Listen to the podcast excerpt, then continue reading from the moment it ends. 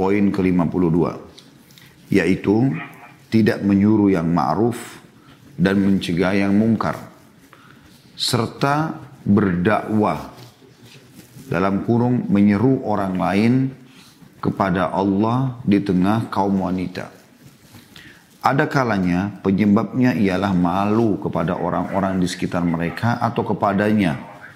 Terutama jika mereka lebih tua usianya, lebih tinggi status sosialnya. Atau membiarkan hal itu dengan alasan biarkan makhluk kepada penciptanya. Ini merupakan tipuan syaitan.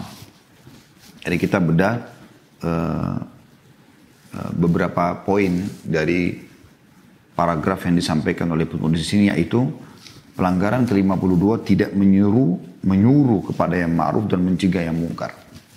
Jadi yang ma'ruf itu saudara iman adalah semua yang Allah cintai, semua yang Allah perintahkan. Itu namanya ma'ruf. Kita disuruh amar ma'ruf. Amar artinya memerintahkan, menganjurkan, mengingatkan, menasehati. Ya.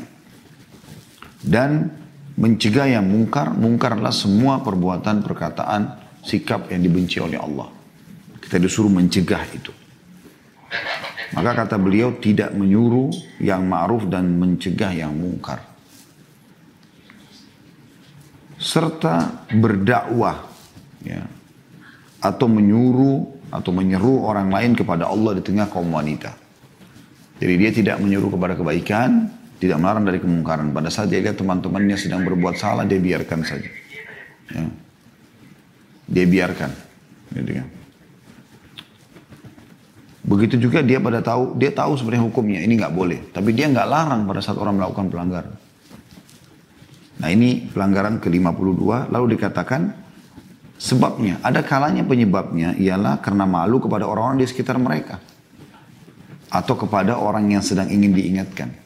Padahal malu itu baik dalam setiap keadaan kecuali dalam hal seperti ini. Kita harus, teman-teman sekalian, tidak boleh malu dalam meluruskan kesalahan orang dan juga tidak boleh malu dalam melarang, eh, dalam mengingatkan kebaikan. Sebagaimana juga kita dalam menuntut ilmu tidak boleh malu. Tapi selain daripada hal-hal ini, hal-hal positif seperti ini, Anda dianjurkan malu. Bahkan kata Nabi SAW, malu tidak mendatangkan, tidak mendatangkan kecuali kebaikan. Gitu kan.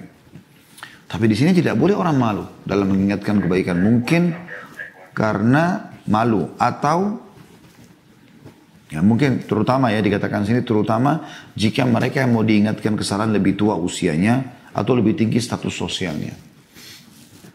Atau poin yang lain ada hal alas ada hal-hal atau membiarkan hal itu dengan alasan biarkan makhluk dengan penciptanya.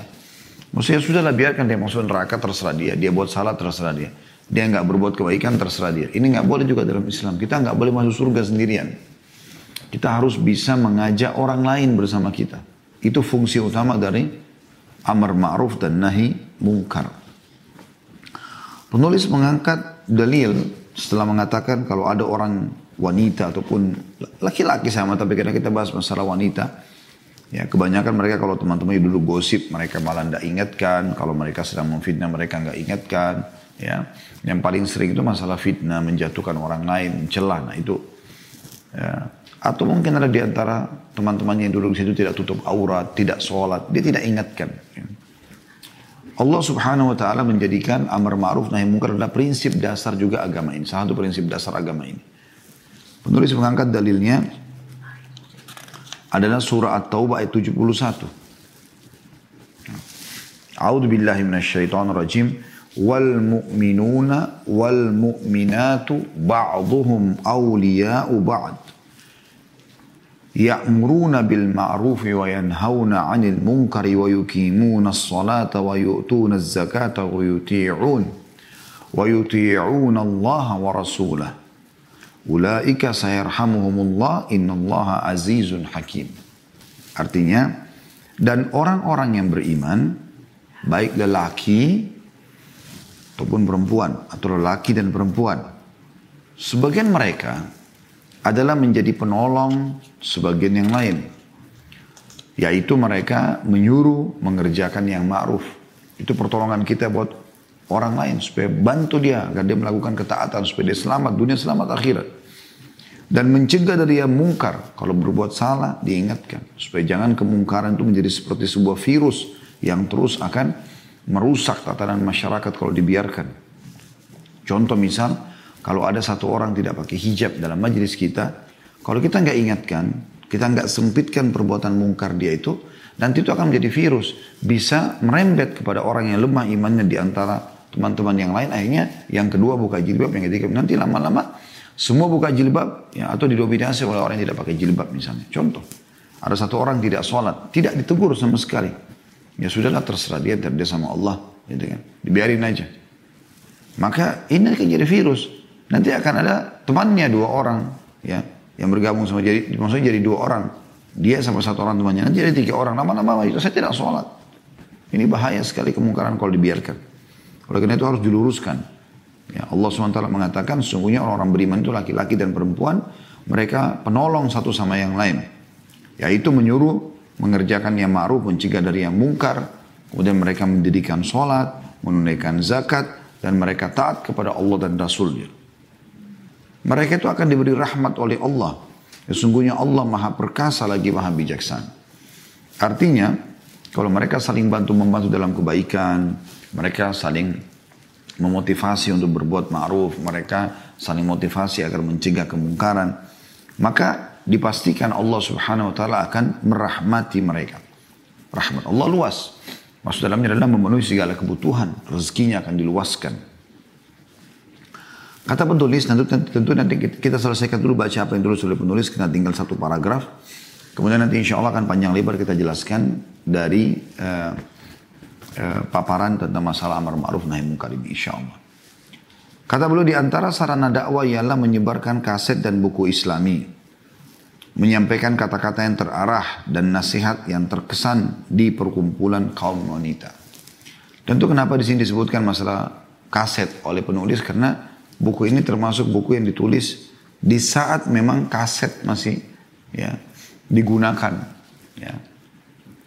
Setelah sekarang setelah itu kan pindah ke CD, kemudian DVD, kemudian pindah sekarang sudah ke medsos yang lebih canggih ya.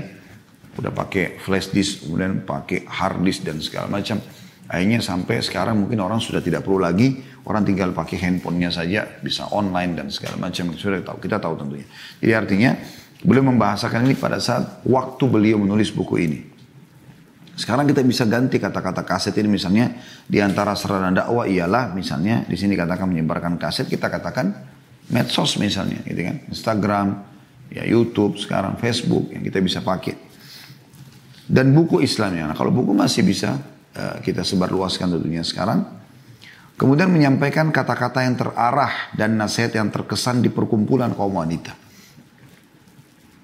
saya pernah bilang dan saya ingatkan kembali teman-teman sekalian ini hal yang mendasar sekali yang harus kita ya lakukan dan jaga uh, kalau kita sedang bermajelis dengan teman-teman, keluarga, intinya kita duduklah beberapa orang, maka kita harus tahu teman-teman. Tentu kan biasanya akan dihidangkan makan atau minuman. Apa yang dihidangkan itu akan dikonsumsikan gitu. Begitu juga dengan apa yang akan dibicarakan. Dia seperti menu makanan, persis. Siapa di antara orang yang duduk itu memulai pembicaraan dan pembicaraan itu ditata dengan sedemikian rupa, maka dia akan jadi menu pembicaraan. Kalau misalnya ada empat orang duduk, ada satu orang fasik, ada satu orang baik. Yang duanya mungkin orang biasa. Enggak fasik, enggak juga baik. Ya. Sedang-sedang saja gitu. Di sini, orang yang fasik atau orang yang baik ini, orang yang soleh atau soleha, ini akan tergantung siapa yang lebih dulu membuka pembicaraan. Kalau yang fasik memulai menceritakan tentang pergaulannya dengan lawan jenis, dengan nikmatnya merokoknya, dengan minuman kerasnya, duduk di kafe ini, karaoke itu, maka nanti yang dua itu akan terpengaruh. Bukan mustahil juga yang baik ini, yang soleh juga akan terpengaruh. Tapi kalau yang soleha lebih dulu melemparkan menu perkataan, sambil mengatakan kemarin tuh saya ikut di pengajian, walaupun misalnya online, atau saya baca buku, atau saya dengarkan rekaman, Ternyata ada pendapat, ada hadis Nabi SAW bunyinya begini ya. Ada kisah seorang soleh yang bernama ini dan kisahnya begini ya. Itu nanti akan jadi penuh. Nanti akan ditanggapi oleh teman-temannya dan bisa saja ketiga orang itu menjadi baik. Jadi apa yang beliau sampaikan di sini penting ya, yaitu menyampaikan kata-kata yang terarah dan nasihat yang ter atau berkesan di perkumpulan kaum wanita.